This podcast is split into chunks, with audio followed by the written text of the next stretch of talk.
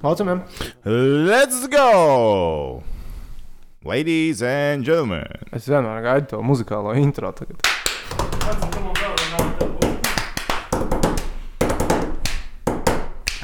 Kaspars Dvinskis!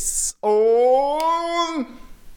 Toms Prāvnieks! Būs Hokeja jāpatrenējas labāk. Būs jāpatrenējas labāk. Tur reāli pavilki pa lēnu, pa ilgu. Un nogaidīja līdz beigām, bet galvenais, ka Bet, ja rezultāts būs labs. ja es esmu slikts, tas uzreiz tev liek izskatīties labāk. Tu esi dzirdējis par to, ka tu esi tik labs, cik labs ir tavs kompanions. Es nekad īsti līdz galam neesmu piekritis tam, nu, ka komanda ir tik stipra, cik stiprs ir vājākais posms. Komanda ir tik Tas stipra? daudz ko stipra pasaka komanda? priekšā, tāpēc sāksim. Hokeja podkāsts FaceOff.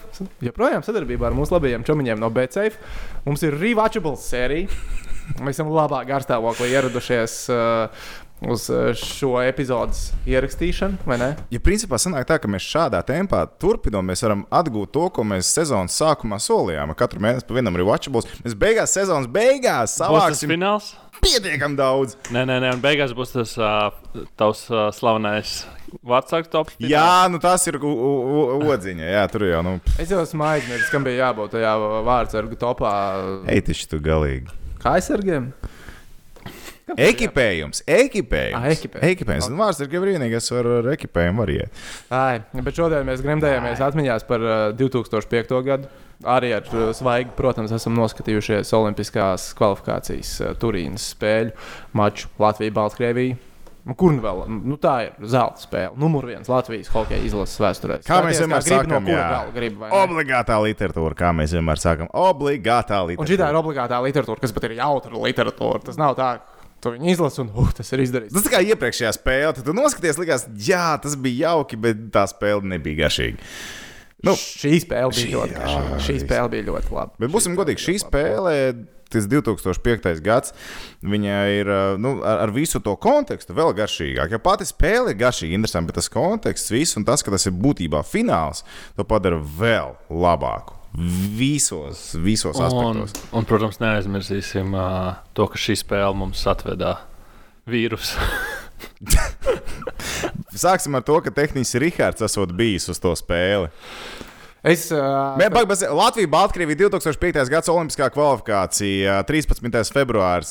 Tehniski Rihards esot bijis. Un kā Kaspars teica, man pirms šīs dienas ieraksta, tad, ja uztaisītu aptauju Latvijā ar 100 tūkstošu līdzutējiem, kurš ir uz to spēli bijis, tad vismaz 50 tūkstoši pateikt, es jau nu toču nu tur biju klāt. Man tā tiešām liekas. Es, es pat pieļauju, ka pēc pāris gadiem es varētu sākt stāstīt cilvēkiem, kas esmu bijis sporta pilī. Bet tajā man nebija baigi labās vietas, man bija stāvvietas, atceros, man liekas. Es neticu īsti. Un šīs detaļas, lai lēto bija. biļeti dabūt, man liekas, vispār nebija reāli. Nē, nu, Tu dabūji ielūgumus, tu teici, ka dabūji ielūgumus. Kā var dabūt ielūgumus uz stāviem? Es taču nezinu, kā es vienkārši man teicu, es gribu spēles. aizies. Nē, viens cilvēks, kas to var apstiprināt un kuram ir jāuzjautā, tas būs, būs Ronalds Burnickis. Jo es biju ar Ronaldu Burnicku un viņa sēns. Man tas Tu ne zini tuvu tos cilvēkus? neliekās tik interesanti, lai tur mēģinātu rakties iekšā. Bet, uh, nu, jā, vēl kas ir interesanti par to spēles apmeklējumu, tad sporta pilī nu, 5000 aptuveni salienu. Bet tajā olimpiskajā kvalifikācijas ciklā uz papīra tā ir vismazāk apmeklētā Latvijas izlases spēle. Kas likās Kas tev absolūti sākumā ir diezgan liels bullshit. Nu, Man liekas, nu, tad visticamāk. Tur 400 pēc bija tiem- laikam, jā, vai čet- kaut kas tam Tikai līdzīgs? 4700. Nu, visticamāk, ir iedot ielūgumu. Viņi vienkārši statistikā nav uzrādījušies. Diezgan daudz tādas kaut kādas oficiālas amatpersonas. Nē, nu, varbūt, ka tur vairāk nevarēja riņķī Vairēja sēdēt. Neviens tur zina, kā tur liels Nē, un tur- tur nevarēja Tu riņķī. ne, neredzēji, kādas Pāris sektors bija jātukšo. Arī kā sīļķi mucā ar visiem kopā. Nu, ne jau tā kā savā laikā Gunts Ulmanis, ja, kas sēdēja iekš, Fanu iekšfaniem. Ja, tā kā tas Jā, bija jā, citāk. jā. Bet labi, nav ko te pārnest Tau- vairāk. Viss bija kārtībā. prezidents. Kā lūdzu? Tautas prezidents viņš bija. Gunčs bija tautas prezidents. Nu, vai jau arī bija Nu, tautas vai arī, var arī. Vai arī pat Nu, varbūt viņas vairāk. uzruna beidz, nu, dziesmu svētkos. Bet labi, par olimpisko kvalifikācijas turnīru. Dziesmu sāk citreiz skatīsimies. Bišķiņ tam, bišķiņ tam kontekstam, kāpēc? Uh, Ne, kāpēc ne, jaunieši tagad. Baltkrieviju?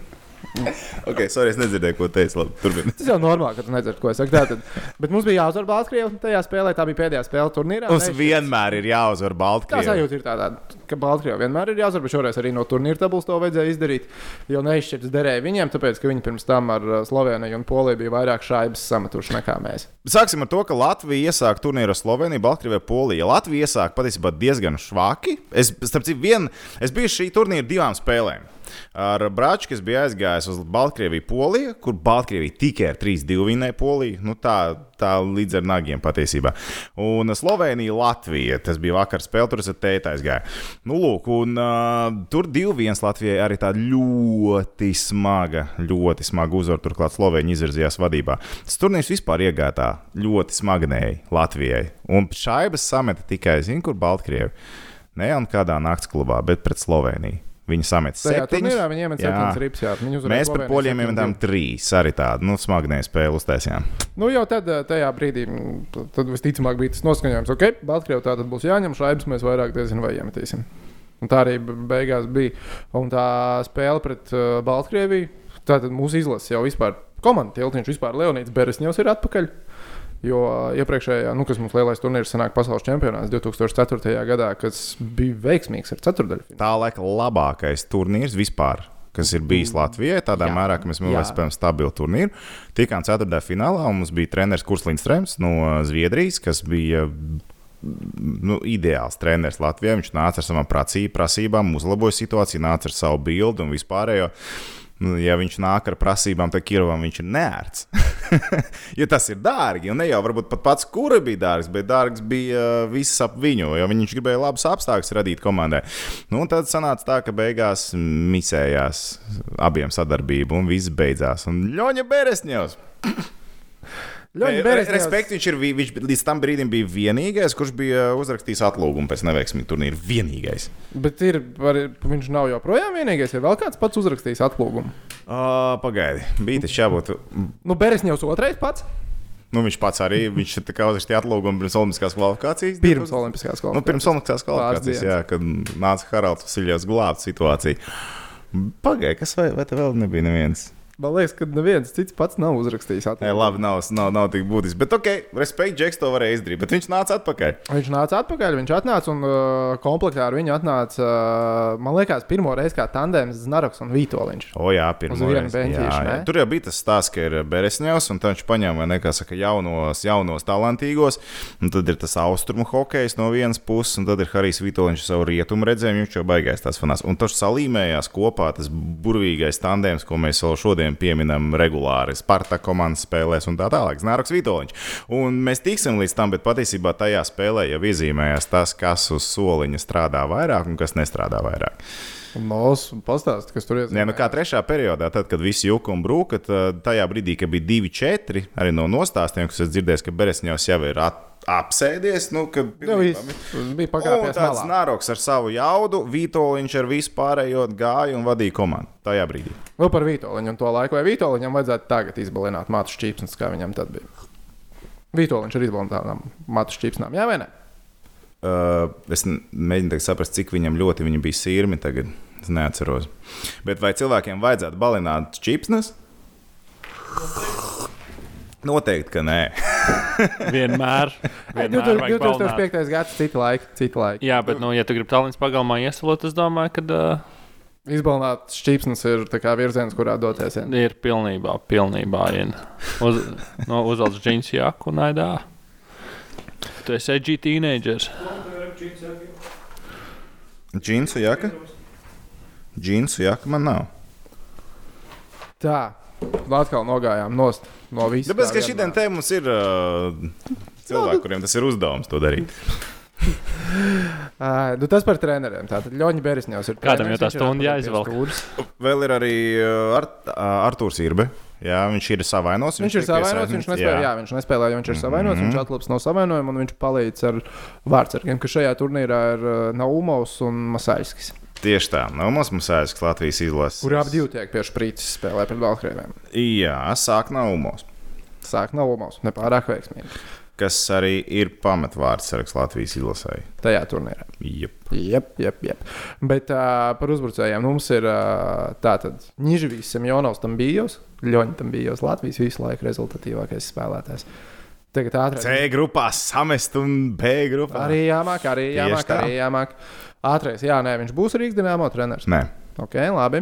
Tad mums ir Pantiļējos, Macijevskis un Ozols. Ozols nespēlē ar koku kļušku. man liekas, ka nē. Nē. Tā Tu īsti. domā, ka viņš no liepājas uzreiz ar koku kļušku jāspēlē? Nē, man vienkārši te izskatījās. šķirošana. Spēlē, tagad skatoties viņa atkārtojumā, nu, nebija pats labākais video kvalitātes uh, Materiāls. materiāls. Kā bija, tā bija jāskatās, jo šo spēli vispār tādos arhīvos pilno apmērā nav iespējams atrast nekur publiski pieejam. Un mums jāsaka paldies uh, mūsu draugiem no Latvijas radio, kuriem savs personīgais arhīvs paņēma. Cilvēks ņēmis no teļu, norakstījis un VHS kasītīt iekšā ar reku podziņu. arī tā notiek. Labāk tā nekā nekā. Tieši tā. Uh, Cipuls, Ankipāns, Sprūks. Tāds uzbrukuma virkne. Tās Tas ir bija Rī- tā ir Rīgas 2000. Jā, tā bija laba maiņa tajā sezonā. Arī uh, Rīga 2000.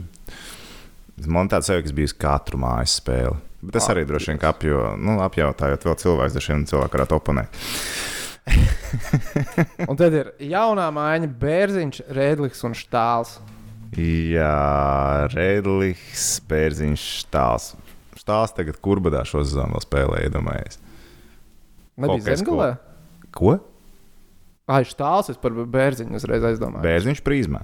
Prizmā. Es pat biju šo sezonu skatīties prizmas un kurbatas spēli. Baigi interesanti bija. Ja neskatās to, ka kurbatas sabradāja prizmu, bet tā bija forši paskatīties. Labi, tas ir par, par mūsu sastāvu. Baltkrieviem tas sastāvs īstenībā, palasot tos uzvārdus, nu nekā tur baigi nav. No tiem Baltkrievu hokeistiem, ko es atceros, nu nebija tur. bet, zināmā mērā, tu paskaties uz Latvijas izlases sastāvu, nu nav jau tā, ka tur ir ej, tu no Labi, mums aizsardzībā Ozoliņš un Krastīņš. Jā. Yeah. Bet ir NHL lokāts, ja Krastīņš spēlē Rīgā 2000, tad Ozoliņš bija atvaļinājumā ASV. Bet viņš sagatavojās turnīram. Sagatavojās nospēlēja turnīram, trenējās kopā ar Latvijas junioriem un nospēlēja pieklājīgā līmenī. Nu, fani arī tajā, tajā izšķirošajā spēlē ar Baltkrieviem. Ozoliņš. Tā, tā, tā, kur man šeit palika. Viņam viena rezultātīva piespēle tajā spēlē. Sodus viņš nenopelnīja, un liederība viņam bija pozitīva. Tā kā spried pats. Jā. Tā kā par spēli pret Baltkrieviju. Tās ir spēle pret Baltkrieviju. Un turnīrā jau arī viņš tur nekrita, nekrita ārā. Iedomājieties, Sansos, viņš nekrīt ārā no kopējā konteksta. Kā tas var būt? Vai ne? Viņam viena piespēle ir bijusi turnīra laikā. Vajadzīgajā dienā. Četras soda minūtes tajā turnīrā. Un... Kas gan man pārsteidz, nieka trīs metieni pa vārtiem visu turnīru laikā. Trīs metieni pa vārtiem. Sandi Mozoliņam.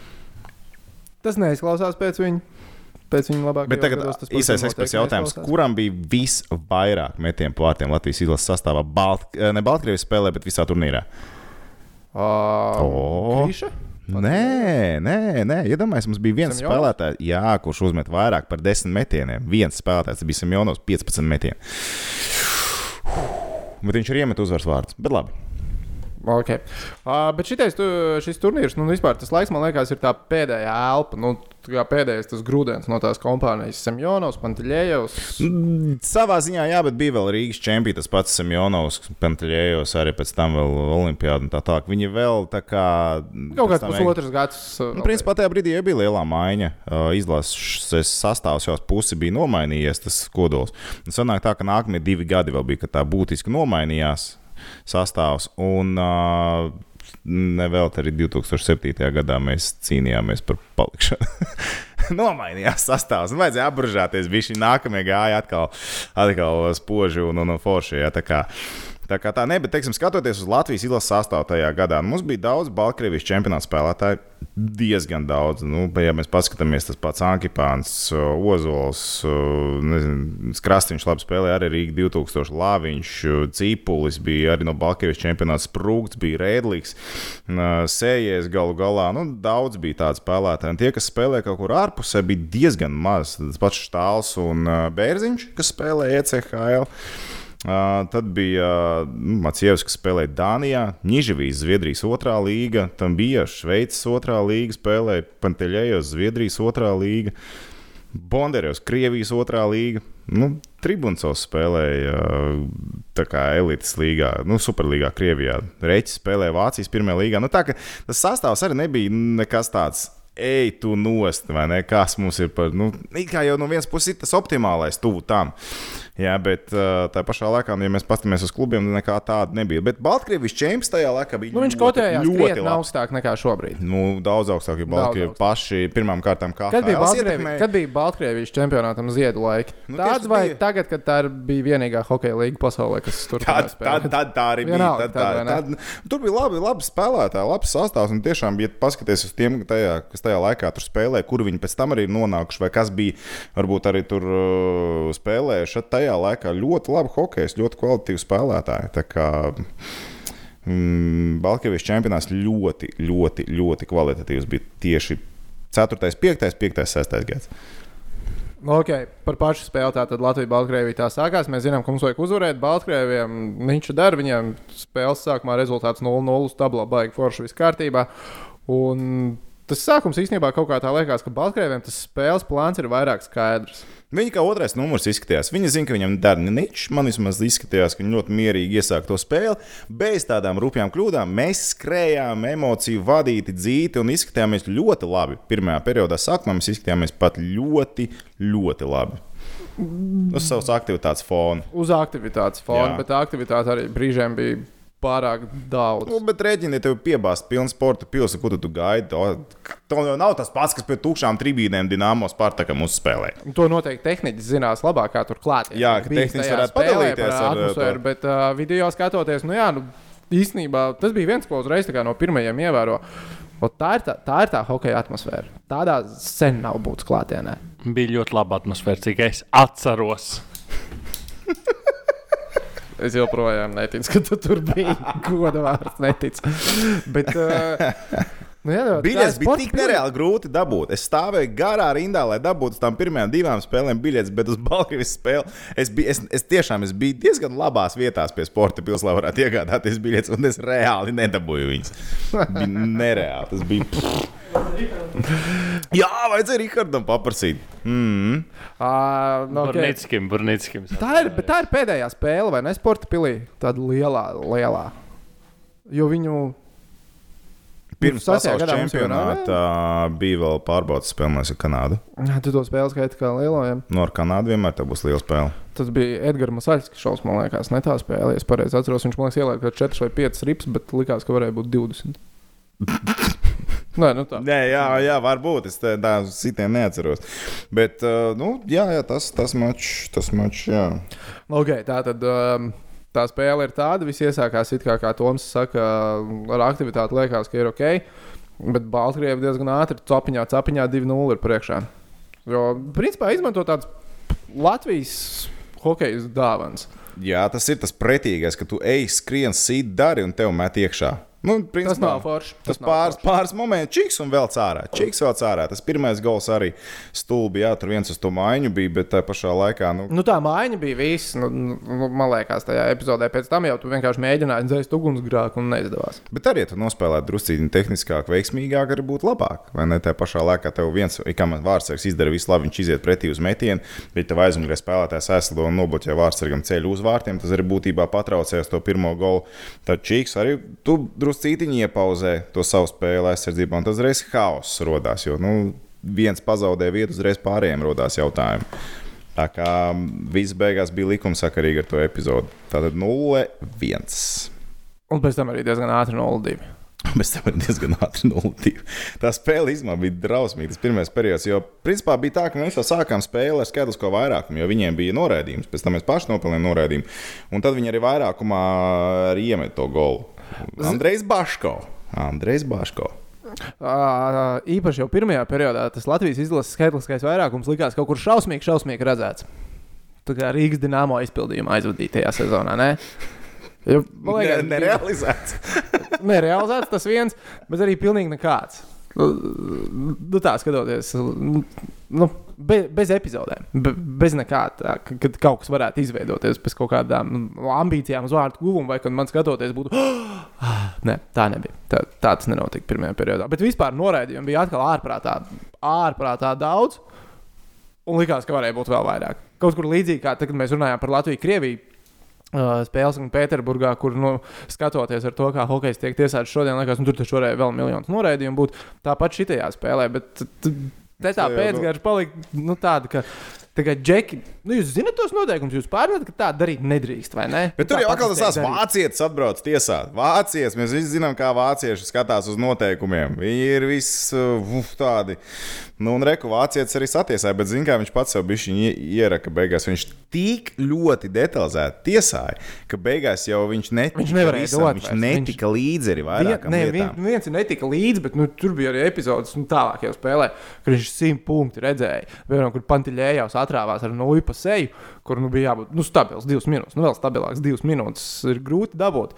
Bet viņš ir iedevis nu, tikko bija brīdī, kad mēs bijām- nosacīti slideno uh, Baltkrieviem jau minūšu noraidījumu. 5 noraidījumu, pret jā. jā, 5 minūšu noraidījums jau ir Baltkrieviem. Nu, viņš vienkārši nevarēja dot vēl divas minūtes Baltkrieviem tajā brīdī. Nu, tā likās. Jā. Bet uh, spēles sākumā nu, jā, noraidījumi tika doti pilnīgi pamatot. Vēl tikpat liekas, ka neiedeva. Jo, jo zini, kas vēl tas trakākais ir visā tajā spēlē? Baltkrievijā noraidījās daudz. Viņiem līdz otrajiem vārtiem bija trīs noraidījumi jau. Pagūts sakrāt. Tad noraidījās Ignācijos 11. minūte, un Čiks Belaraka lielika golu. Un tad tajā brīdī tev rodās tā bezzēs sajūta. Mēs spēlējam, mums ir vairākums, mums ir kā arī iespēja, tev it kā vajadzētu izsākārtot. Un tad tu noraidīsi, un tu uzreiz ierīki golu. Vienkārši pats, kas notiek. pirmie divi noraidījumi spēlē Baltkrieviem divas ripas. Simtprocentīga realizācija. Simtprocentīga realizācija Belariem bija. Nu, tā, ka tas tāds nu, ā, tā drausmīgi, drausmīgi sajūta notiek. Bet pirmā perioda beigās mēs paši beidzot iekustinām to cipariņu. Mūsu tablo pusē nulīt pārvēršas par viennieku, un man liekas, tā ir pirmā un visticamāk vienīgā reize, kad kāds Jānis Prūks ir ar Helmutu Balderu salīdzinājis. Nav tā, ka nepamatot tajā epizodē. Nav tā, ka Bet viņam nepamatot vienmēr pārmeta to kāju darbību, bet tu redzēji, ka viņš ar kāju darbību uztaisīja golu šajā situācijā. Pirmkārt, from coast to coast viņš aizskrēja. Tas ir viens no savas zonas, viņš sāk. Un tas, ka patiesībā tu bieži vien tajā spēlē skaties, cik daudz bija tādas caurstaigājumas sētas sajūtas, nu, tās spēles laikā. Gan uz vienu, gan uz otru pusi. Un te bija sprūktam aizsargs pietiekami tālu, viņš it kā ir klāt, uztaisīja to māju manevru kājām. Aizsargs tiešām uzķerās uz to, to triku, un viņš iziet brīvu metienu, cēl ārā vienkārši. Nu, Super, un ja mēs Normons sējies, piespēlīt. Normons sējies, nākošais Rīgas dīnāmo ģenerālmenedžers. Kur Normons ir tagad? Taškent vai kur? Jā, humo. Taškentā, jā. humo. Tad redz, kā dzīves ceļā aizvadījuši viņu uz turieni. Bet man liekas, nu, sprūktam tas gols ir karjeras top 5 nekā noteikti. Bet viņš tāds līdzīgs ir ģinām, kā met iekšā pēc tam. Nu, viņš, nu, tas Bet bija tas. visu, nē, no, es domāju, ar visu tos konteksts, nē, nu, tas bija fināls. Jā, Tas jā, bija jā. fināls. Tas bija nu, tajā sezonā svarīgākā spēle visiem. Jā, pilnīgi visiem. Mm, ok, labi, jā. Nu, viņš bija jā. lokāls līdz sezonas beigām. Jā, jā, es to pašu mēģināju atcerēties. Nekas jau tur nenotika. Tajā okeāna krastā. Uh, labi, tā tad viens, divi pēc pirmā perioda. Baigi labi likās. e, Nu, tā, tā, atskatoties uz spēli, liekas, ok, ka perioda beigās ir iemests, ka tu aizēji ar 1-2, nevis ar 0-2. Un tā kā ar svaigi iemeslu golu kaut kādas pozitīvās emocijas tu vari iedot visticamāk ģērbtuvē. Un tas, ko Ļoņa Beresņevs ģērbtuvē izdara, viņš nomaina vārdsargus. Jo Mēs jau minējām, ka gan Sergejs, gan Edgars tika piešprīts. Un Naumovs tiek nomainīts. Naumovs nevarētu teikt, ka podus sagāza vai ne pirmajā periodā, tajos Nē. divos galos, bet nu, neizvilka. Un tā ir tāda tā hokeja teorija, ka, lai pamainītu spēles ritējumu, lai sapurinātu komandu, To mēs bieži dara. Pēc pirmā perioda ir kaut kur. Ziniet, paša Sergeja Numo vārdiem viņš ir ļoti bieži uzsvers to, ka vārdsargam ir nevis vienkārši labi jāspēlē, bet viņam ir jāvelk un jāglābj komanda. Tas ir viņa pirmais tas, tas frāze un teikums. Un viņš to nedarīja būtībā tajā spēlē. Viņš no, ne- nebija tā, ka viņam bija rūpīgas kļūdas, ja tas otrais gols bija no distances. Tur pēc tās video kvalitātes grūti bija saprast, pamainīt, nepamainīt trajektoriju, bet, trajektoriju, bet nu, viņš neizvilka.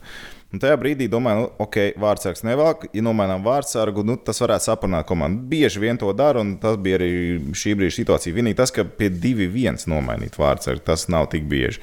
Bet, ok, izdomāju nomainīt tā, jo gan Masaiskis iepriekš bija, bija spēlējis tajā turnīrā, un Masaiskim pieredze tajā sezonā bija Čehijas čempionātā. Pietiekami interesanti. Viņš laida gan Trijās dažādās komandās viņš uzspēlēja Čehijā tajā sezonā. Nu, jā, bet uh, tās bija arī diezgan trakas komandas, kurās viņš spēlēja Karlovī. Nu, tas uh, otrā līga, tas tā, tas nav pat jāņem vērā. Viņš vairāk spēlēja tiešām Karlovī, Vāriju un uh, Duklā. Bet uh, tās bija arī ne tās top komandas, kur daudz metienu pa vārtiem. Viņam liekas, bija viena no spēlēm, kur bija 250 atvērtiem metieniem. Nu, tas bija Čehijas čempions, tas bija lejas gala komandas. Bet nu, viņš tā kā vilka pietiekami ok. Atkal Naumovam tajā Bet sezonā. uh, Masāļskis vēl pēc tam jauns ļoti ir tajā brīdī. Nu, viņš ir ļoti jauns. Viņš debitēja, 20 viņš debitēja 18. Čempionā gadā Prāgā.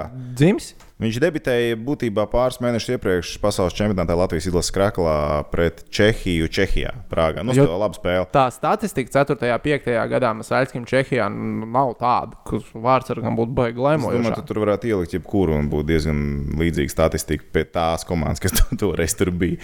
Un, uh, nu, redz, tas pats nav Omos, viņš spēlēja kā Krievijas otrajā līgā, kaut ko uzspēlējis, tur bija Krievijas superlīga, bet tajā brīdī viņš skaitījās kā Krievijas otrās līgas vārdsargs. Čehovas 1 Vitjez, tā brīža uh, komanda. Nu tā, un tad es domāju, pamainīt. Nu, arī tajā turnīrā iepriekš viņš mazais spēlēja, spēlēja. Nu, tad arī trenerim likās, ka tā vajag. Iespējams, ka Arthurs Īrba arī redzēja ka nav īsti, īsti, īsti ādā naumos, un šodien nebūs vilcējs. Kā, tur jau ir daudz aspektu, kas to ir arī, arī, arī faktors, kas var nospēlēt tajā brīdī. Zinām, kā mēs ar čomiem, Edgars Masāļskis izlases spēlēs uh, pasaules čempionātos parasti, nu jau pie kaut kāda, kad otrais, trešais aliņš vismaz ir ribās, viņš kaut ko labi atcita, tad vienmēr bija Edža Māsala. Tā, tā. Masala. Jā, jā, jā, jā. jā, masala. Bet uh, te viņš izgāja laukumā un diezgan ātri arī ir iekšā. Jā, nebija viņa vaina, bet, Bet, nu, bet es pat brīzmā brīnījos, kā var tā aiziet. Nu, pretuzbrukumā divi uz vienu būtībā piespēle metiens vēl cārā. Nu, viss, nu, tur... Šausmīgi atgādināja pirmo ielaisto, pirmos ielaistos vārdus. Nu, kaut kur bija bišķiņa, ka Ne, šis tāds kā- klasiskāks bija uh, izgājiens, nu, pretuzbrukums, kā, bet klasiskāks tādā ziņā, kur ir otrs aizsargs ar pie, nelielu piebildību. Nu, tā ir piespēle mētījums, nu, klasika. Nu, pārvietoties var dažādi. Maskaiskis nolēma uh, kā nogulties uz ledus ar aizsargiem, nosegt apakšu. Nu, nesanāca, uzmet augšā. Jo arī pārvietot, nu, jā, tur zināmā mērā vienmēr cilvēki diskutē, kā vajadzēja, kā ko darīt. Bet, uh, Bija tā, kā bija. Un tas arī es par respektu mēs aizskatām, ka viņš pēc tam normāli iegāja tajā spēlē, jo viņš apēda ātrus vārdus.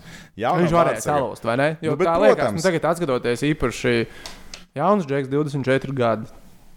Tik ātri apēda. Stabili, stabili, visatbildīgākā spēle dzīvē, kāda līdz šim ir bijusi viņam, Jā. bez jautājumiem, un tu uzreiz arī iekšā. Un tad ir jāgaida bezizējas sajūta, bāze. Ko tagad mēs darīsim? Mēs ātrāk vēl viens vārds apēdām. Vārds ir ielikts iekšā, otru to atpakaļ nesūtīs. Tas būtu vēl lielāks apsmieklis. No, ko tagad darīt? Zin, treneris arī droši vien tur svīst tajā brīdī normāli. Nu, lūk, un tad, paldies Dievam, izdevās uzreiz atspēlēties pēc uh, mazāk kā 20 sekundēm. Informators sporta pilī vēl nebija pabeidzis stāstīt, kas Baltkrieviem goli ir iemetis, kad Grīša Pantiļējos jau panāk 2 pret 3. Jo, nu, kā mūsu spēles komentētāji, Maris Andersons un Māris Rīmenis tajā brīdī saka, ka tagad vajag vēl vismaz trīs vārdus. Kā tev vispār kā komentētājiem Rīmenis ar Andersonu? Bija interesanti. Tas ir kaut kas, kaut kas cits atkal. Bet man patīk, man patīk, kad ir emocijas. Man patīk, ka bija emocijas. Un, uh, interesanti, ka bija tas, ka pieteicis Maris spēles sākumā, ka par statistiku mēs tagad runājam, bet spēles laikā Spēles laikā, laikā. nebūs laika. bet bez spēles laikā bija. Tāpat tas turpinājuma augt. Statistika tas bija interesanti. Bet, zināmā mērā, nu, katra, katram savs. Bet, uh, ne, bija interesanti. Man patīk, ka tās emocijas, tos, tos labākos momentus, esmu liekas, tūkstoš reizes redzējis. Vismaz. Nu, nu, tā kā es tās epizodes daudz no galvas zinu, tā kā nekas man baigi nepārsteidz. Bet tā tas dinamika man ļoti patīk. Kas ir ļoti svarīgi hokejam, dinamika. Dinamika bija laba. E- Es īstenībā labprāt šo duetu varētu klausīties, man liekas, arī tagad, mūsdienās. Tā laika dot šodien. Jā. Mm. Mm. Mm -hmm. Nebūtu, nu, nebūtu iebildumu. Nekāda, man liekas. Jā. Man, man, man, man patiešām likās interesanti. Varēja tā kā jūs, ka tas ir galīgi savādāk nekā mūsdienās komentē hokeju, bet uh, arī ar tādu savu piedūrienu, savu, piedūrienu, savu odziņu. Likās, kā dara vienu un to pašu. Nebija tās lomas varbūt sadalītas. Bet vienalga, bija labi.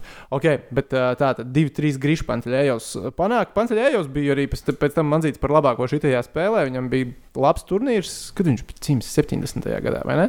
Jā, vēl pagūs. 72. 72. No Ziemeļamerikā pagūs uzspēlēt Bostonas Bruins. Viņš bija. Jā, bet viņam ir savulaik- 33 gadi, jo vienkārši šitajā spēlē viņš nu, izskatījās rīktīgi labi. Nēsājās, lidoja, bija visur, bet viņam tā, nu, 33 gados karjeras pēc tam līnija aizgāja tīpri uz leju. Jo no Zviedrijas, kur viņš 4. un 5. gadā spēlē, viņš pēc tam Krievijas 2, 3. līga, Itālija, tur Šveice.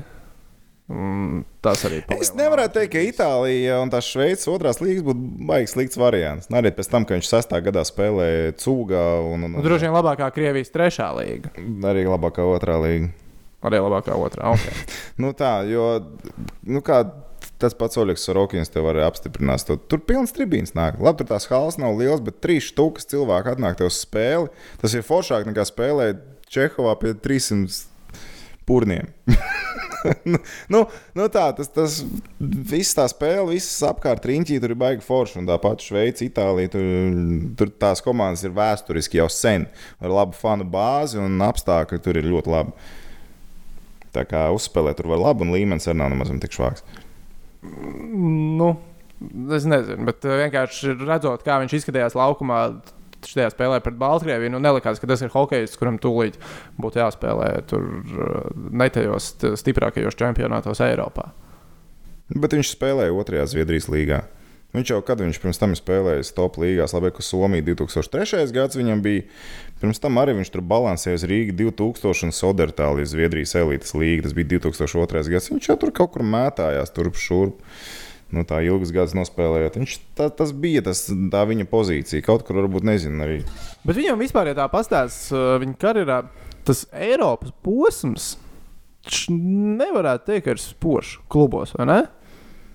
Nu, it kā nav arī slikts. Nu, Arbogā viņš tajā gadā labi, viņš nospēlēja maz 27 spēles. Tad tas savainojums skaidrs ir klāts. Bet es domāju, ka tur vispār savainojumi varētu būt. Es vairs neatceros tik labi, bet man liekas, ka viņam bija traumas diezgan daudz. Tas arī pirms čempionātiem vienmēr bija jautājums. Un arī Arbogā viņš spēlēja salīdzinoši maz. Pirms tam pasties Rīgā viņš nospēlēja 18 spēles. Pēc tam, kur viņš tur kā spēlēja, nu, maz, maz. Jo, bet visur, kur viņš bija, viņš bija pietiekami rezultatīvs. 19 punkti 27 spēlēs Zviedrijas otrajā līgā nav slikti. Nu, Nu, ne, neteicu, ka tas ir slikti. jau nav. Šveices otrajā līgā 2007. gadā 43 spēlēs 51 punktus. Tev tagad ir priekšā viena statistika, vai ne? Protams, Nā, nu, ok. Es vienkārši es gribēju pajautāt, vai tu tā no galvas varētu minēt, cik gadus viņš pa to Ziemeļameriku nomalās. Nu, miljonus saku, līdz līgām. 2000 gadiem. Jā, jā, jā. zinu, tur tuvumā tam viņš bija. Viņš Un, sāka principā visus mēģinājumus. 90. Visus trakos 90. Grigorijs Pantelējos ir dzīvojis ASV. Ar labu statistiku. Mhm, Vidē punktu spēlēja gandrīz tā kā Nu, IHL līnija. Tāpat tās jau līdz NHL neviens netiek. Jā. Viņš Ar sāka ar NHL. statistiku. Viņš sāka ar NHL. Tā, tā nianses, ja viņš sāka ar NHL. Pirmās des, pirmajā sezonā, 92. 3. gada sezonā, viņam 39 spēles Bostonas Bruins 8 plus 6. Not so bad. No Rīgas Rasmus uz Bostonas Bruins pataisno nav pats sliktākais scenārijs. Nē, nē, ko izdarīt dzīvē. Nu, forši tā kā tā. Jā, Tas par- bet uh, piektajā gadā Grīšā arī vismaz mačā pret Baltkrieviju un vispār tajā turnīrā ir līmenī. Kā jau es teicu, viņi atzīst par to labāko. Bet vienalga, nu, Baltkrievija visu laiku to spēli kontrolē. Nu, arī skatoties atkārtojumā, viss, kas notiek uz ledus, liekas, ka Baltkrievija tādi- tāda... dara pārliecinošāk. Cik par to pārliecinošais arī man visu laiku bija tā atmiņā, tā sajūta, ka baigi pārliecinoši, kā Baltkrievija tur visu kontrolēja. Jo tā bezcerības Bet sajūta, varbūt, ka- skatoties toreiz to spēli, bija. Bet tagad es skatījos, nu, it kā jau visu laiku ir tajā spēlē. Tev ir tas mīnus viens, tev vajag divus gols. Nu, ok, visu laiku tu turies, tev panāk mīnus trīs, atkal, nu, skatoties, atkal tu samazini to starpību. Jo to spēles odziņu visu laiku uzturēja kas. Tas, ka bija noraidījumi daudz. Visu laiku kaut kas mainījās. Vismaz Soda skatoties- minūtes bija ārprātā. Nenormāli daudz. Un tajā brīdī arī. Latvijas sajūta, ka viss ir iespējams. Tik cik tas, ka paši tos vairākumus realizēja tīri, tā pieticīgi, vai ne? Bet tā man vismaz tajā spēlē skatoties, likās, ka ir, ir, ir kā normāli, ir, ir pamats, tā, ir segums. Tu nebija visu laiku tur ar uh, viens četri spēlē, un tad pēkšņi izlīd no, no kurienes. Tu visu laiku biji viena, divu galu attālumā. Nu, bet vienalga, skatoties to spēli, skaidrs, ka Baltkrievija iz, izlaida. Nu, viņi izgāja. Pēc tam mēs līdz tam beigās vēl nonāksim. Bet uh, par tām soda minūtēm uh, mums ir septiņi noraidījumi šajā spēlē. 14 minūtes Baltkrievijam kopā tur savācās 45. Un uh, otrajā periodā tad 2-3 mēs zaļējam. Un tad rezultāts kļūst 2-4 otrajā periodā. Uz brīdi. Kas pēc tam tiesneši izlabo savu kļūdu. Jā. Kur skatoties uh, nu, to spēli, atkārtojumā, tas gols tiek iemests. Un es tā pie sevis domāju, pagaidiet, Baltkrievs tiek iemeta trešajā periodā. Kāpēc šito golu neieskaitīs? Parāda vienu atkārtojumu, un es domāju, pagaidiet, ko? Ka- Kā? Kāpēc šitā Pārsvarā laukums ir tukšs. Jā, tas ir iemetis. standarta lietas, tu skaties. Jā. Ar slīdu gols nav iemests, vārds ar laukums ir tukšs, mums aizskim neviens netraucē, un golu neieskaita. Bet, nu jā, pēc tam sekundes 15 vēlāk nāk video atkārtojums, bišķiņi. Vēl patīk atpakaļ, kur uh, Baltkrievijas hokejists diezgan nevajadzīgi. Paldies Aizspēra. viņam, paldies viņam, aizspēr. Kā, kā viņš nu, tam bija? Nu, kad... Jā, tam bija nu, nulle Tam bija uzreiz parādīt tiesnesim, kurš piefiksēja to epizodu. Asistents vairāk bija uz zilās līnijas. Viņš kā uz viņu jau parāda, ķipa, nu, ka nav kaut kas kārtībā. Un pēc tam viņš nevarēja. Viņš bija tieši tas spēlētājs, kurš varēja, vajadzēja, jā, kurš jā, pieliek nūju, nav metiena. Viss, nu, viņš bija tieši centrālais spēlētājs. Un uzreiz ielika golu, tam bija pat taisno aizbrauc pie tiesneša. Tiesneša uzreiz tas palika aizkadrā, bet aizbrauc. Uh, Parunāt, kas kā ko, uzreiz pieņem lēmumu. Bez diskusijām viss bija skaidrs. jo Tiesnesis arī viņš bija redzējis, ka tā nūja ir aiz, aizlidojusi projām, bet viņš nezināja, kā. Viņš tikai saprata, ka Nu viņa ir. Un viņam tad vēl asistents viņam pasaka, ka tas aizspēra projām. Pff, nav, disku, nav diskusija vispār, ok, ņemam nost. Tādas epizodes ir reti, un Latvijas hokeja vispār tādas epizodes ir ļoti reti, kad mums ļoti labi šāda epizode tiek piefiksēta, bet uh, labi, ka tā notika un gols netika ieskaitīts. Bet uh, nu, tas jau otrais periods. Baltkrievijā arī tur, nu, es pat brīnījos vienā brīdī, ka viņu galveno treneru neizmet ārā Zahārova kungu. Kurš tur ārdījās un cepās un ņēmās, bet uh, nu, gan jau, ka viņš nerunāja tik rupi valodu, kā Sporta pielīdzība baigs, skaidrs, droši vien bija arī grūti. Nu, droši vien, jā, tur nevarēs. Kaut ko viņš ir vietējā mēlē, noteikti teica savā, tur nesaprata vācietis. Bet uh, interesants fakts jā, par, par Zahārovu, ka viņš ar Lukašenko amatieru līgā, veterānu līgā spēlēs vienā virknējumā. Ikdienā un vada Baltkrievijas izlasi. Kā tas sanāca? Lukaša čoms! Tas man liekas, bija viss tāds uh, foršākais fakts, ko skatoties šo spēli atkārtojumā. Es noskaidroju, ka, uh, okay, re, kur ir uh, Lukašenko mājiņas biedrs amatieru hokeja līgā, Baltkrievijas izlases galvenais treneris. Ļoti labi. Good for you, good for you. Forši, jā, žēl. Brīnums, ka pats Lukas nebija izlases sastāvā. Vismaz pieteicis, kā liekais uzbrucējs. Rezerves vārds, sargs vismaz. Jā, jā, jā. Bet katrā ziņā uh, labi, tas bija kaut kāds otrā perioda vidus, kad tos vārdus neieskaita, pareizi neieskaita. Lai gan nu, es vienalga pal- palieku pie tā, ka tas ir, tas ir tāds kols, kas nu, Nu, diezgan bieži viņš paslīd garām. Zīgā, bet uh, tu, tu nevari spērt. Bet projām. nevar, nu skaidrs, ka nevar, bet nu- Skatībā. Cita lieta, ka foršāk būtu bijis tāda, ja būtu, pieņemsim, bijuši laukumā četri tiesneši, divi galvenie, un viens to būtu redzējis uzreiz un nosvilkt. Nu, beidzam. Pēc gola vienmēr tas būs strīdīgi, diskutabli, stulbi un tā tālāk. Bet uh, nu, fakts paliek fakts, ka viņi, viņi to pieņēma ok. Nu, tā.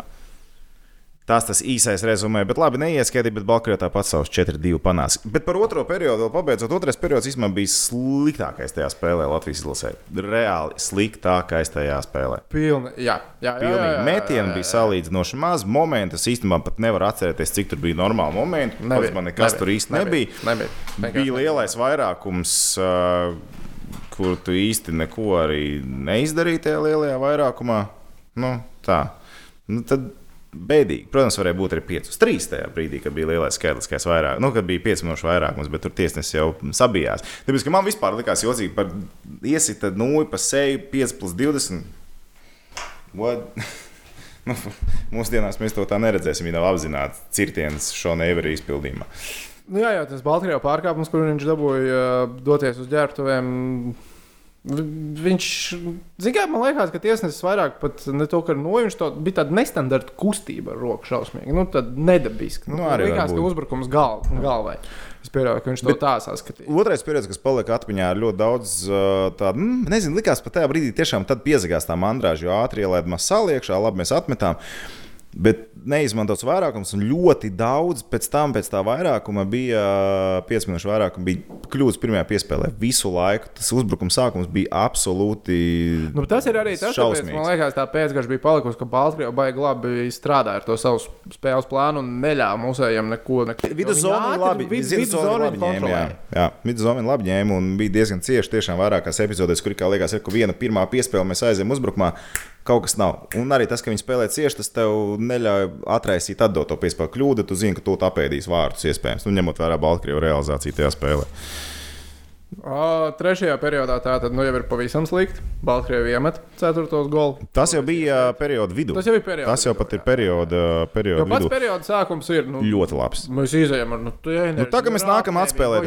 Mēs, mēs, jā, Nu, divi- mēs divi goli jāatnes. Ir Normāls- skaidrs, kas ir jādara. Normāls scenārijs, divi goli jāatmet. Normāls scenārijs, daudz spēlēs. Tā tas ir. Nekas pārsteidzošs, nekas jauns. Divi goli jāatmet. Nu, ok, mēs sākam labi spēlēt, viss baigs forši ir. Un, uh, jā, tad Un nesenāk. nesanāk. Jā. Nav. Nekas Nu, nesenāk. nes- Mums, mums turpina nekas nesenāk. Baltkrievija turpina izmantot savas iespējas, kuras viņiem nav. Nē, savs, savs, savs, viņi turpina izmantot mūsu dāvātās iespējas, skaitliskie vairākumi. Mēs turpinām ar to pašu stāstu. Baltkrievija iemet vienus vārtus, pamat, tas ir ā, vienādos sastāvos. Vienus vārtus viņi iemet. Visi pārējie viņiem bija ā, vai nu vairākumā, vai arī tad, ja viņi tam bija jau nūjas par projām. Viss. Un Viņi neko nevar izdarīt. Un uh, Masalas, ap citu, trešo periodu izskatās ļoti pārliecinoši. Un overall, vispār. Viņam bija arī epizodes, piemēram, viņš izskatījās diezgan labi trešajā periodā, bet uh, tas Nu, ielaist Viņam tas gan tā gols. darba nebija nemaz tik daudz trešajā periodā. Nu, kopā spēlē viņam bija 16 metieni pa viņu vārtiem, un tie nebija pēdējās 5 minūtēs. Viņš vispār Baltkrievijā neko neizdarīja.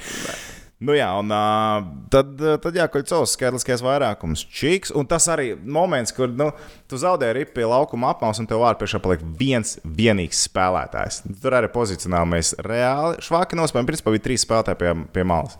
Trīs spēlētāji bija izvēlēti ripu ārā, Sangra Bovskis, Nadeva diagonāls Koļcovs. Nu, viņš ir brīvs tieši pretī vārtiem, met iekšā. Nu, tā kā tā. Ok, un tad uh, mums vajag trīs gols. Laiks ir 11 minūtes. Un Klusums laiks- tribīnēs, klusums tribīnēs. Visi tie- Rihard, bija kāpa klusums tribīnēs, kā tu to atceries? Tā man hokejs tajā brīdī vispār neinteresēja. Es vienkārši pirmo spēli biju aizgājis hokejā. Visi tie Bet, nu, jocīgi tērptie cilvēki. Bija tribīnēs. augsts. Bija augsts. Pastāst par savu stiliņu tajā laikā. Ja tur bija tik interesanti cilvēki, dērbti un tērpti. Tas bija tik aizraujoši. Es domāju, man bija tas boomer Stabili biks, kur pa vidu bija to kāds. celīti, var atvērt vaļā, lai tās šortos. kabatas lielās. Jā, Nē, Nu, nē, nē, nē tur, kur pie celīša jau rāvēs slēdzēs, ja tu attaisno vaļā, tad tev bija. Mm. Es domāju, man bija tāds biks, man tāds kādreiz baigi patika. Tās, kas ir pa trijā, trīs daļās sadalīti. Nu, nē, garās un šortiņi. Nē, man bija tāds, ka bija trīs daļās. Tas bija krūtāk. Ā, tā bija Tā tāda pusgari- bija ziemas, pavasaris un vasaras versija. Tur jau man bija, bija pa, tikai divi. viss bija padomās. Un lielās kabatas, viss forši un jāliek fantiņi vienmēr bija Es kabatā. domāju, man bija tāds biks. Es domāju, ka man varētu būt bijis kaut kāds vecs basīšs ķēdes, kurš es ķipā smagās. Nu, zin kā, Nu, jā, jā. Liela pufaika. Pufaika liela, es nezinu, vai man bija. Tur bija Baltkrieviem forši treniņi tērpi, tiem, kas tur personāls bija rīķi, nu tādas, nu, nu, tādas, nu, masīvas, jā, kas lielas. Stiliņš bija labs, jā, jocīgi. Tā ir tie cilvēki, tribīnēs bija klusi tajā brīdī. Viņi palika klusi, un pat tās taurītes, kas vēl turpināja skanēt, bija divas vairs. Es saprotu, ka tas, skatoties uh, šo spēli un arī nu, vispār kaut kādas tādas vecākās spēles, labi, ka to taurīšu vairs nav. Man galīgi nepietrūkst. Nu, man reāli patika. Tev tiešām patīk. Mm. Es biju viens no aktīvākajiem pūtējiem tajā spēlē. Man patika arī, man arī pašam bija taurīte, vai forši sarkanbalts sarkans. Plēvīts, mainīja maisiņas, lika forši. Visiem bija taurīt. Visiem bija taurīt. Un visi pūta. Un, tad, un tajā brīdī pūta vairs tikai divi. Man liekas, ka viens bija Baltkrievs, un otrs nesaprata, kas Šito var rīktīgi labi izgriezt ārā ārpus konteksta un ielikt kā īso video. Pūta visu, bet man liekas, ka pūta tikai divi. To var kaut kur piemontēt. Nu, jā, un uh, tas ir tas brīdis, kad droši vien es zinu vairāk cilvēku, kas izslēdz televizoru tajā brīdī. Nu, Tur ir 11 minūtes, mazāk par 11 minūtēm. Nu, trīs goli jāmet. Tā ir Latvijas izlase bez Sergeja. Es neizslēdzu ārā, bet es uh, izgāju no viesistabas un uz virtuves aizgāju. Es vairs ne, es neskatījos. Vairs. Jā. Tad, es, atceru, es vairs neskatījos. Es Vienmēr. dzirdēju, nu, Televizors turpināja griezties, bet es vairs nebiju pie televizora.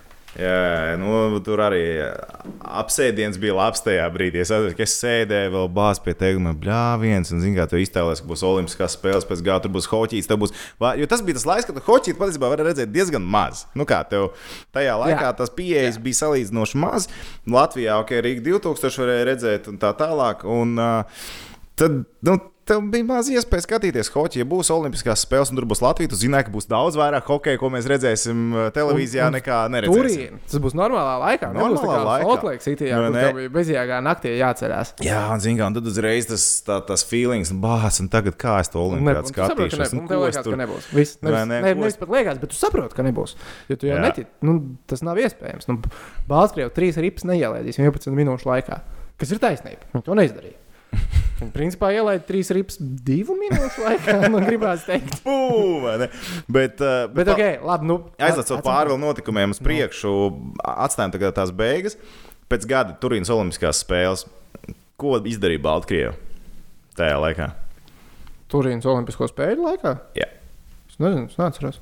Viņiem ir Baltkrievijas čempionāts, kurā spēlēja divas Latvijas komandas. Liepais metālurgs un Rīgas 2000. Viņi neuztaisīja pārtraukumu. Liepais metālurga spēlētāja izlasē bija salīdzinoši maz. Rīga 2000 diezgan daudz salīdzinoši, un viņi pauzi netaisīja. Baltkrievijas čempions turpinās, mums tāda mums olimpiāda neeksistē hokeja vispār. Un viņi uztaisīja čempionu turpinājumu, un Rīga 2000 nācās piesaistīt jaunos spēlētājus, piesaistīt vēl kaut kādu džeksu, lai vispār davilktu to olimpisko loga laiku. Vispār, ba Baltkrievija bija diezgan bišķīga. Nu tā.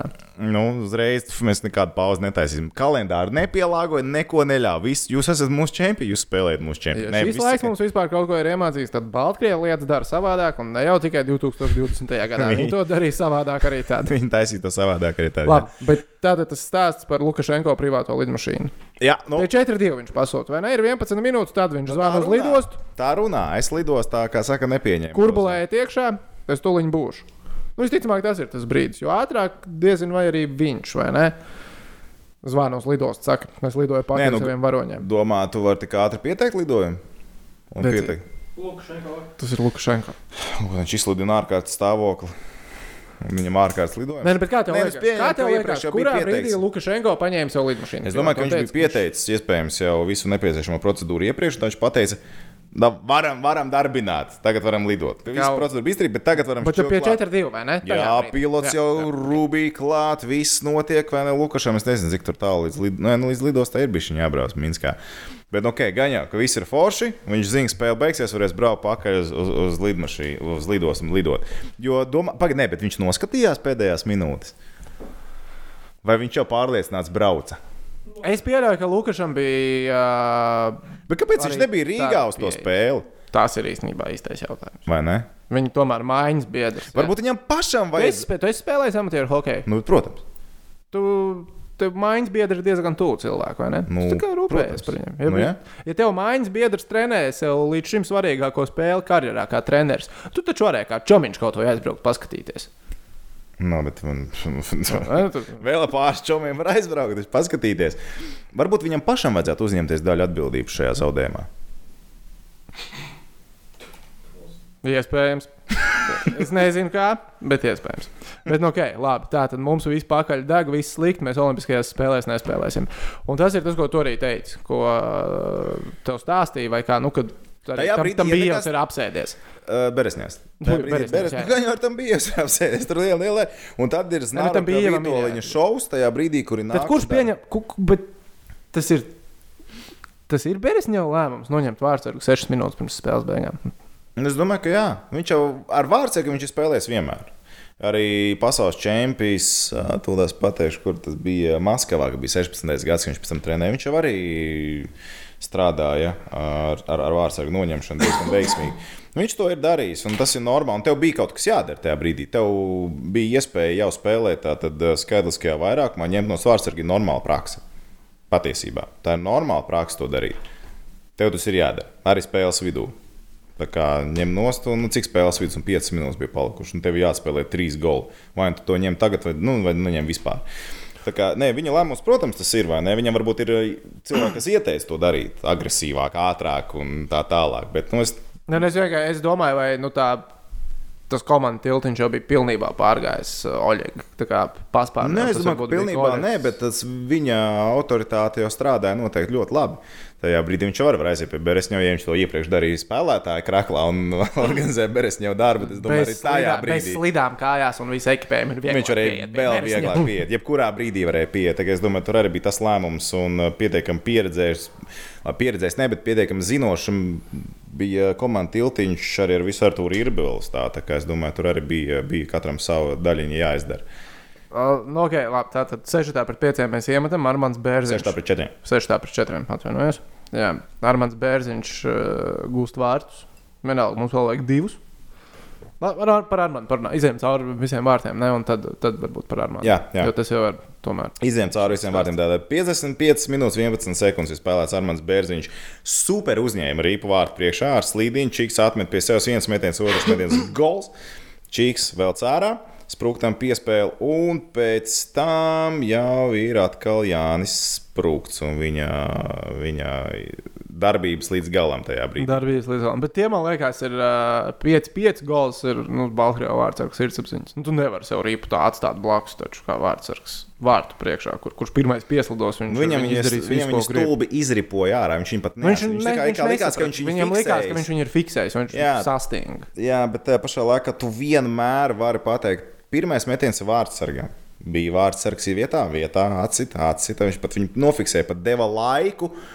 Lai aizsargi varētu tieši vārtu priekšā, nevis kaut kur riņķī, bet vārtu priekšā savākt to rīpu, bet sprūktu neviens nevar apturēt. Viņš Tajā Helmuts Balders tajā brīdī Viņš bija. viņu sauc par Helmutu Balders. Kad viņu pasaka, ka viņš ir Helmuts Balders, tad viņš var visu izdarīt. Nu, lūk, un, uh, Tas ir brīdis, kad es jau esmu atpakaļ pie televizora. Es jau esmu Es no virtuves sadzirdējis. sāc pūst taurītē, ja? Es jā, ķēru atkal savu taurīti dzīvoklī, sēžot, kur ir jāpūš noteikti. Ā, bet tu, tu es to brīdi rīktīgi labi atceros, ka es tas- Kad tu dzirdi, kad ir 4, 5, un tad mēs mēģinām to atkārtojumu noķert, nenoķert. Ģip, Nu, labi, ok. Un pēc vienalga es gāju atkal ārā no istabas. Un tā kā iemet 5, 5, un tagad man bija pagaidi, kas te tagad vispār notiek, kas notiek, kas notiek, kas notiek, cik tur vēl jāspēlē. Vēl var taču, jā. Un tad Semjonovs visam arī pieliek smuki punktu. Jā, esam jau tur arī iepriekš kaut kur bija stūrī, nokritis stūrī, bet uh, pie apmales, un viņu reāli neviens nebija nosēdzis. Tas var būt tik fenomenāli, ka viņš, viņš kaut kā- pilnībā nepiefiksēja. Jā. Nu, viņu nepiefiksēja vispār kā tādu, kā spēlētājs. Viņš neeksistē. Un paskatieties, kā aizsargs nospēlē tajā brīdī. Viņš sēdz it kā diagonāli gara pašiem vārtiem, kur otrā pusē īstenībā neviena, Neviena nebija. nav. Neviena nav, un turpat ir otrs bet belārs. Tur jau, un, un viņš tur jau stāv, mazliet viņš teorija, nu tuneli kā, Jo uztaisīja. Semjonovs novilkās uz sejas, un nu, viņš ir garšļauks uz zemes. Jā, Un viņš kā balts uz baltu pazūd. Aizsargs viņu neredz. Viņš meklē, paiet, kur ir vienam hokeistam kaut kur jābūt. Un tad esam jau no piecļos, viņš tur ir brīvs metiens, bum, gols. Jā, jā bet uh, tas bija labs moments. Baltkrievijas aizsargs vairs neapskatījās, kurš tas bija, bet nospēlēja ļoti pozicionāli. eh, Teiksim tā, neprecīzi tajā situācijā atstāja tādu tuneli pa vidu. Un Simjonam bija vienkārši jāmet iekšā. Vārtsargs jau arī vairs neko neķēra, neko neglāba jau pēdējās pāris minūtes. Un, uh, nu, tas ir tas goliņš, kas reāli tas bija atvedis no sporta pilsētas. Nu, tas viss, nu, highlights. Absolūti, Rīgas sporta pilsētas highlights lielākais. Viss, kas tur ir bijis iepriekš visiem PSRS čempionātiem un vispār, tas viss ir liekams tajā citā plauktiņā. Un Simjono gols ir tas, kas raksturo visu, visu, visu sporta pilsētu. Bet vienalga, vēl divi ar pus minūtes ir jāspēlē. Bet tik bezcerīgi hokeja kādas komandas izpildījumā, kurai ir obligāti jāgūst vārti, es liekas, nekad neesmu redzējis, kā Baltkrievijas izpildījumā pēdējās divas pus minūtes. Es pat nespēju, kāpēc Baltkrievija neko nemēģināja vilkt laiku, vēl kaut ko pamainīt vārdsargu, pamēģināt kaut kādā mērā pavilkt to laiku, lai viņš to pagūst attiekties. Jo tajā brīdī neviens nevarēja attiekties. Un, kad iet tur padās, bija Nīžavīs, tam bija iet stūrī. Mūsējie tik meistarīgi to Viņi- izdarīja. Mēs tās meistarīgi. divas ar pus minūtes, mēs bijām visu laiku ar ripu palielam. Stūrī, un tur jau fakts tāds, ka nāk virsū vienalga, tur Grabovski vai kas nāk virsū, bet viņi jau neiet, pat, viņi netiek kontaktā. Viņi nonāk, viņi stāv un tā kā skatās, mums kāds tā kā ies virsū. Un neviens pat īsti līdz galam neiet virsū. Absolūtas nulles. Un tur es nezinu, es ar tevi varētu, labi, ne, nevar varētu noturēt tripstūri. Bet, ok, uh, nu, bet, ne, ja tev nenāk virsū, tad tur mierīgi var turēt arī slīdu virsū uz rīpas. Nu, stāvi tur un neko nedara. Un tā izskatījās Baltkrievijā, ka viņi nesaprata, kuram tagad kaut kas ir jāglābj, vai kurš vispār var kaut ko izglābt tajā spēlē. Viņi pat negāja virsū. Un tas bija arī mans Baltkrievijas hokeja. Es nezinu, vai Baltkrievijā kāds atcerās to spēli. Nu, droši vien nedaudz savādāk kā mēs ar tevi. Lielākā izgāšanās. skatītāji, klausītāji. Lielākā izgāšanās Baltkrievijas hokeja vēsturē. Nu, diezgan noteikti. Absolūti lielākais zāģis, kāds viņam bijis. Ja 2000 Olimpiādas likme divi ar pus minūtēs uz redzēšanos.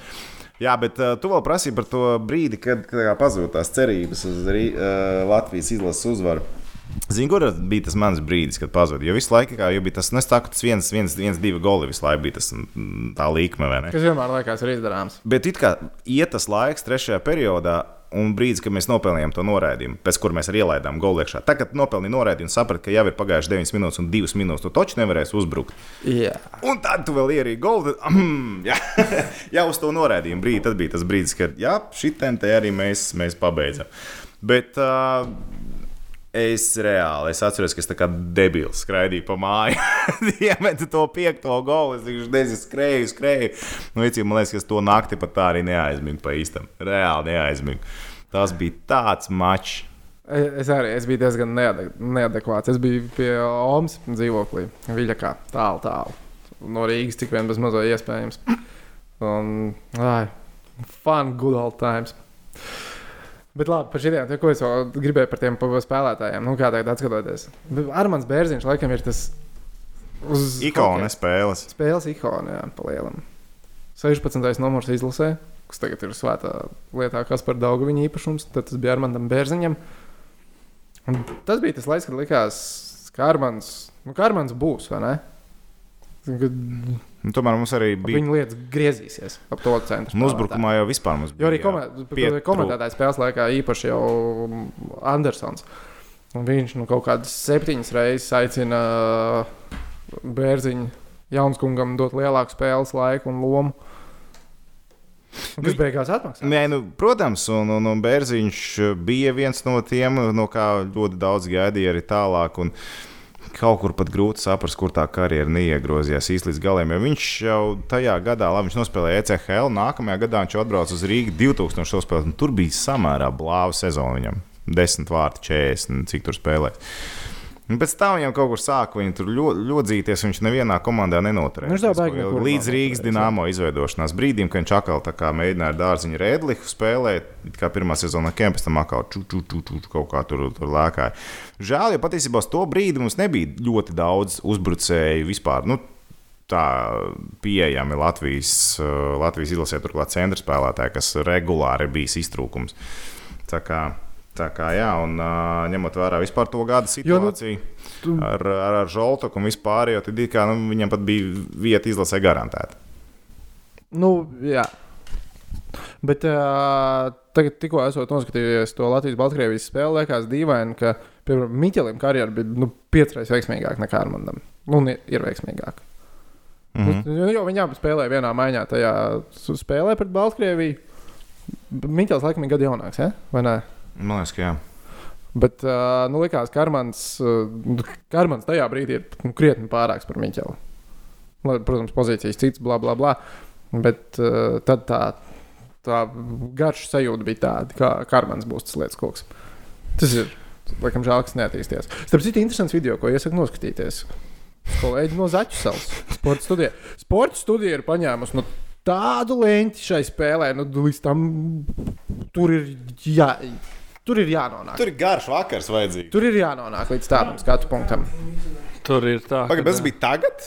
Tas ir piecas dienas atpakaļ. Nē, nopietni, tas ir svaigs Tas ir pilnīgi. rīktīgs. svežaks, svežaks video. Ugh, Es jau saku, tur tie Baltkrievi dabūja to. To, to savu teoriju, kad uh, mēs esam izgudrojuši to vīrusu pateicoties, pateicoties šai spēlei. Ej, tā kā galīgi, nu kas tas par sviestu ir? Diemetiet, li, iemetiet linku pēc tam apakšā. Tas, man liekas, tur.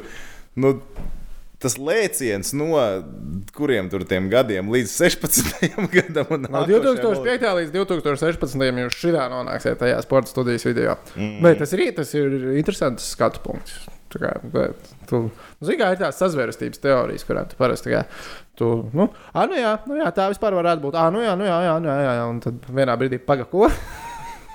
Nē, nu, Turīnas Olimpiskās spēles, protams, pēc tam bija uh, ļoti neveiksmīgs turnīrs. Jo, uh, Sākumā, kā mēs paņemam punktu no amerikāņiem, kas ir tikko atbraukuši uz Itāliju, pēc tam visās pārējās spēlēs normāli zāģi, nu, bet tādi kārtīgi zāģīši. Pēc tam bija, bija pārējās spēlēs pat Kazahstānai. Tur, jā. Es atceros, ka tur bija smieklīgi tas, ka pēc katras spēles Beresņam bija kāda cita pozīcija, ko vainot. Bija vai, vainīgi uzbrucēji, bija vainīgi aizsargi, bija vainīgi vārdsargi, bija vainīgi kas tur vēl. Bet beigās pēc pēdējās spēles bija nu, tā, ka jābūt ka vainīgs ir treneris. Vairs nekur citur atkāpšanās ceļā viņam nebija pēc zaudējumiem. Līdz tai bija jau vainot. Uh, man arī bija līdz tam vainot. Es neatceros precīzi, līdz tam, bet es zinu, ka visas pozīcijas bija līdz tam brīdim. Nu, kā pirmajā spēlē jau bija niķis, tur jau viss bija kārtībā. Un tad tev tālāk palika, cik spēles, četras spēles palika. Tad jau tur viss pēc kārtas vainot. Nu, tā, tā bija ļoti neveiksmīga Olimpiskās spēles. Ļoti neveiksmīga Olimpiskās spēles. Bet bija interesanti. Bija interesants turnīrs. Un Tas vairāk kā skaidrs, ka visi turnīri ar Latvijas izlases dalību ir interesanti. Bet, jā, no sporta pils tad, nu, godam, atvadījāmies ar šo spēli pret Baltkrieviju. Es to pārbaudu spēli pret Kanādu, vairs tā īsti neskaitu. Nu, tā. Nu, labi, gan jau.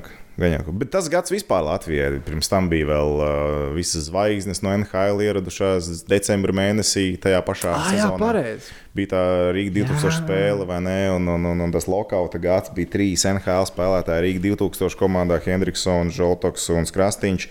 Uz, uz brīdi visi trīs pat bija tā, kā tas bija reāli. Ja skatās, Latvijas hokeja bija viens spilgts gads, gan pozitīviem, gan negatīviem notikumiem, bet principā viens, no spilgtākajiem un uh, tādiem piesātinātākajiem gadiem vispār Latvijas hokeja sezonā, no 2004. gada līdz 2005. Jo pēc brīnišķīga čempionāta 2004. gadā mēs atbrīvojamies no ļoti laba trenera un ejam nākošajās kaujās ar ļoti nu, apšaubāmu situāciju. Nu, tev- neskaidra situācija. Nu, neskaidrs. Tas man liekas, ir viens no esam lielākajiem sasnieguši- Latvijas hokeja stulbumiem. No atbrīvoties no trenera, kurš labi ir strādājis. Nu, tas, man, tas tajā brīdī man tiešām tas nav tupa, no Līnstrēm. Mēs atbild, atbrīvojāmies, jo tupa pīta nebija. Vai negribējās maksāt.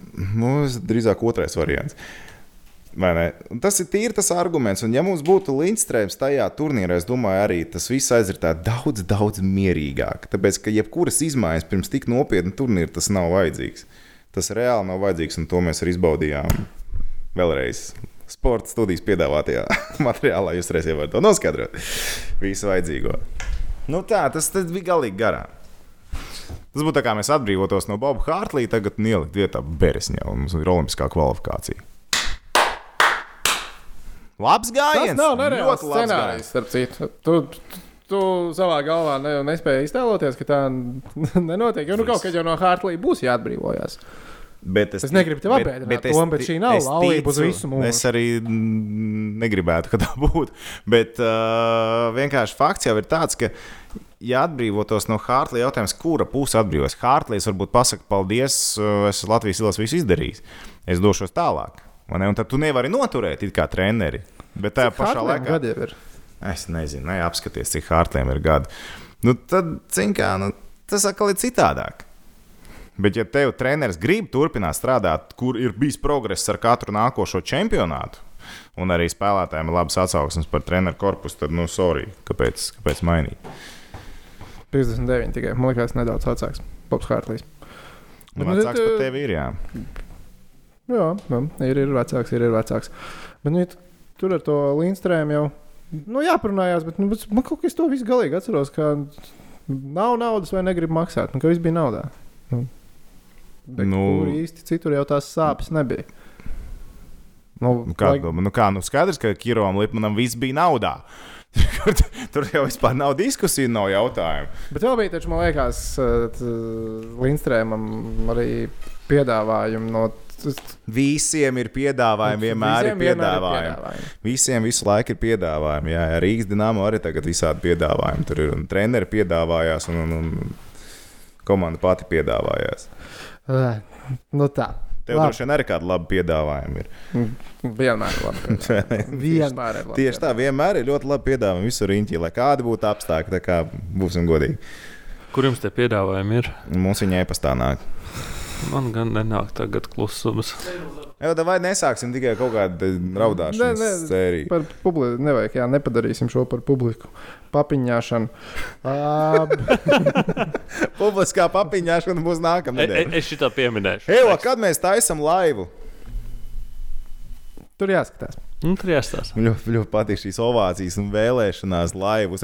Man liekas, ka laivas Lieldienas, būtu ļoti forši. lieldienas nāk. Nu, lieldienas. Es pat tikai tagad ievēroju tavu brīnišķīgo apģērbu. Paldies. Ej, tu nos! Gatavoju lieldienām sagatavot. Un, principā, šo krēslu, dāmas un kungi, mēs ieliksim, kā saka, tirgu, un jums būs iespēja vairāk viņu iegūt šo krēslu. Mans krāklis, lieldienu krāklis, liecies mierā, ne par kādu naudu nedošu. Vienkārši laivā mums ir problēma tos divus metrus uzturēt. Nu. Vai jā? Tad tur jāsaslēdzās mums no. Tur baigi tehniski Nu, sarežģīti. tehniski sarežģīti, bet mums vajadzētu to izdarīt. Ierakstiet komentāros, vai mums vajadzētu laivu uztaisīt. Jā, rakstiet to komentāros, ierakstiet arī idejas par uh, Rīvāču būs nākamo sēriju. ko, ko es tev piedāvāju. Un es īstenībā nezinu, vai vajag 0-11 pret Kanādu. Jo nevar viss būt tikai tik salds, kā uzvaras. Nu, nevar būt atspēlēšanās Pret Baltkrieviju bija arī 0-11. Atcerēsimies to. Tad tā spēlē, ja, ja spēlē pret Baltkrieviju, tehniķis saka, ka viņš bija klāts. Tad uh, spēlē pret nebiju klāt. Tur es biju. Es arī biju klāts. Un klāt. man pat ir fotogrāfija, man šķiet, ka man ir fotografijas, un man ir arī biļete vēl mājās. Vajadzētu būt. Ko tu izmet uz ledus? Mm, Ja man viņi tagad ir mājās, Nē, nē, nē, nē, nē es tev prasu, kā Ko es izmetu uz tajā- Es ko neko tu nemetu. Viņš jau bija tādā vietā, kur viņam bija grūti jāmet. Nē, nu nebija tā, ka tur grūti būtu. Mēs man blakus sēdēja Somi, kas sāka pirmie. Vēlreiz uzsveru tos vairāk kārt teicu, Somi, Somi līdzstēji. Viņam tur tajā dienā arī bija spēle. Viņi sāka mest pirmie tās stulbās momentus cauri tīklām. Pilnīgi vienalga.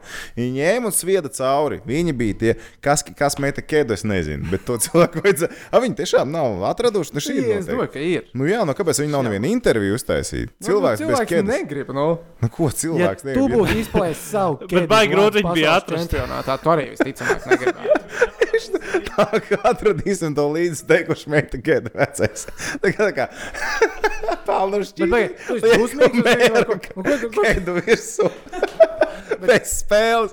Eju, eju, šitā ir tavējā. Bet, nē, tu saki, ka arī intervijas. A, Ko tu viņam prasīs?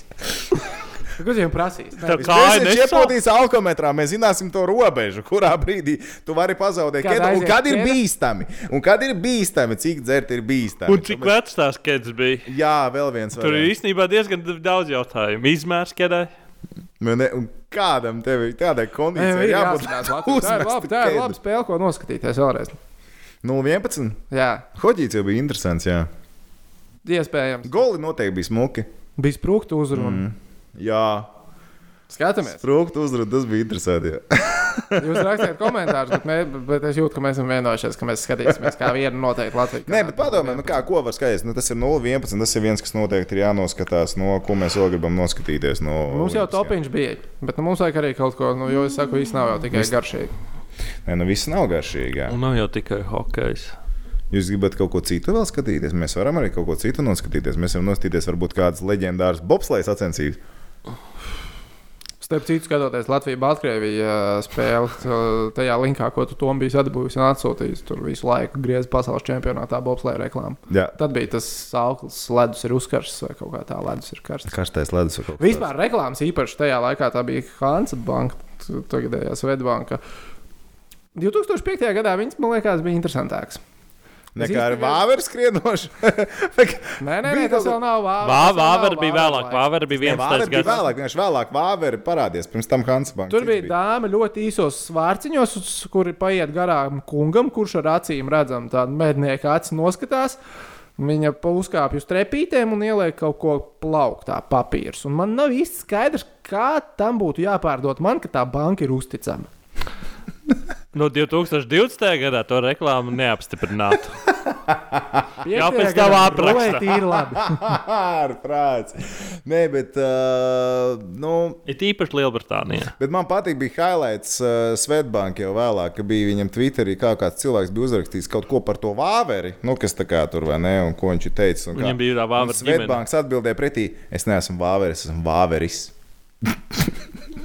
Nu, tāpēc, ka viņiem bija tā vāvera ģimene visu. un Kas tur, jā. tas tikko bija? Tā taču ir banka, tas nav kaut kāds. zin, Mans Twitter konts. Ingūns Līdeks, nav vāveris, bet vāveris. Ai, labi. Sakam, paldies. Es saku, Tom, paldies tev. Tehniķi, paldies. Visiem paldies, ka skatījāties, klausījāties. Cerams, ka bija interesanti. Ja vēl neesat uh, mūsu abonētāji, kļūstiet par tādiem. Eju, viņš pateica pareizi. Viņš pateica pareizi. Trenējās, taču tomēr tagad ir Wow. laiks. Cik ilgi man galvā bija jāpieņem, es pateiktu pareizi. Nepierodiet pie tā, ka es saku pareizi. Bet uh, katrā ziņā tiekamies uh, nākamajos video week. Jā. Jū, jū, jū, jū, jū. Ja nebūs solījumi. idejas, tad būs nulle. Eju, solījumu laiks. Ko mēs solām? Solījumu laiks. Rīgas dīnāmo treneru spēka rangs. Jā. Jā. Tieši tā, Rīgas treniņa spēka. Līdšanai jau Rīgas dīnāmo spēka. Bet š- šī brīža, tas ir īsti šī brīža spēka rangs tagad. Tieši tā, ka mēs no šī brīža skatu punktu skatāmies. Tā kā man jāstāsta, kā šuplers tagad ir. Ja? Nu, tas tā no tevis okay. saprot. Labi, jā, jā, jā. jā. Nu, mēs sapratīsim, tā kā taisīsim. Bet ir dīnāmo treneru spēka rangs. Bija dīvaini redzēt Ankipānu uz ledus, ne?